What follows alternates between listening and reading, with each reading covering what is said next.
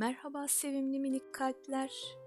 Evvel zamanda yaşarmış yoksullar handa, beyler sarayda.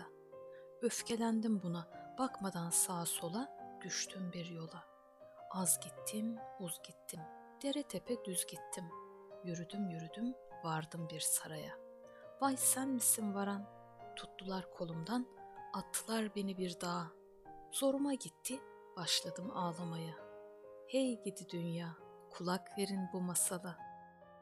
Zamanın bir anında uzak doğuda yaşayan, artık yaşlandığını ve yerine geçecek olan veliahtını seçme vakti geldiğini düşünen bir imparator vardı. O imparator kendi tahtına yardımcılarından ya da çocuklarından birini oturtmadı. Yeni imparatoru farklı bir yolla seçme kararı aldı. Bunun için bir gün ülkesindeki bütün gençleri saraya çağırdı ve konuşmasına şu sözlerle başladı. Artık benim yaşım ilerledi. Ülkemizin geleceği için benim tahttan inip yeni ve genç bir imparator seçme zamanı geldi. Ben de imparator seçmeye karar verdim sizlerden birini. Bugün hepinize vereceğim birer tane tohum.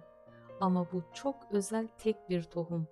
Evlerinize gidip onu ekmenizi, sulayıp büyütmenizi istiyorum.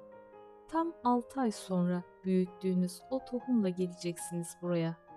Ben de sizi değerlendirip birinizi oturtacağım tahtıma. Gençler çok şaşırdılar. Şaşkınlıkları geçince de her biri birer tohumu alarak evlerinin yolunu tuttular. Gençlerin arasında Link adında biri vardı. O da diğerleri gibi tohumunu aldı ve hızlıca evine vardı. Olanları heyecanla annesine anlattı. Annesi buldu hemen saksı ve toprak, Link'in tohumu ekmesine yardım etti, toprağı sulayarak. Sonra da dedi, haydi tohum, ver bize çabucak yaprak. Link her gün ektiği tohumu suladı ve büyümesini beklemeye başladı.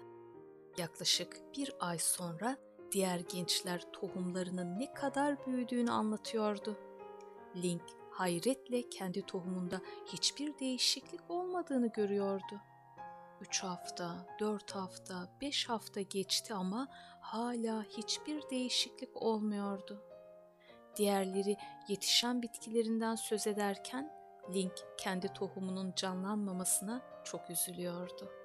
İmparatorun onu beceriksiz sanmasından endişeleniyordu.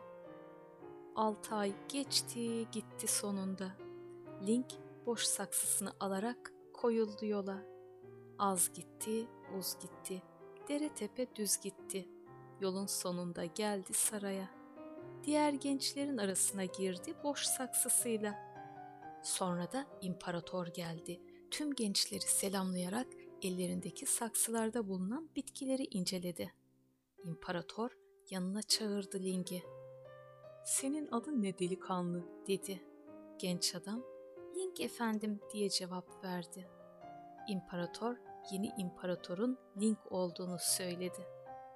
İmparator Ling yerime geçebilirsin dedikten sonra onu tahtına oturttu. Ling şaşırarak sordu. Ama efendim ben boş bir saksı getirdim. Sizin bana verdiğiniz tohum büyümedi. Ben nasıl imparator olabilirim? İmparator, altı ay önce burada herkese bir tohum verdim. Size bu tohumları ekip, sulayıp altı ay sonra getirin dedim. Ancak hepinize asla canlanmayacak olan kaynamış tohum vermiştim.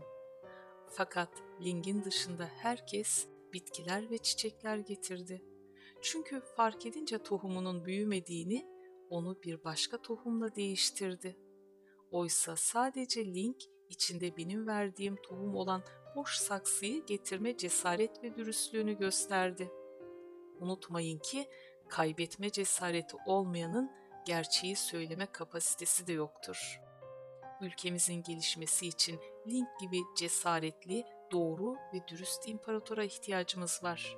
O nedenle yeni imparatorun Link olması gerektiği aşikar.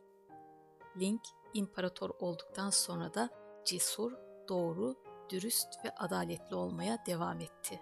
Hep ülkesinin ve halkının mutluluğu için çalışıp didindi. Link'in imparatorluğunda halkı onu, O da halkını çok sevdi. Cesareti olmayanın asaleti olmaz. Çünkü cesaretin bittiği yerde esaret başlar. Doğruluk ve dürüstlük ise sonsuzluğun güneşidir. Her türlü şartlar altında doğar ve meyve verir. Tekrar görüşmek üzere sevimli minik kalpler. Hoşçakalın.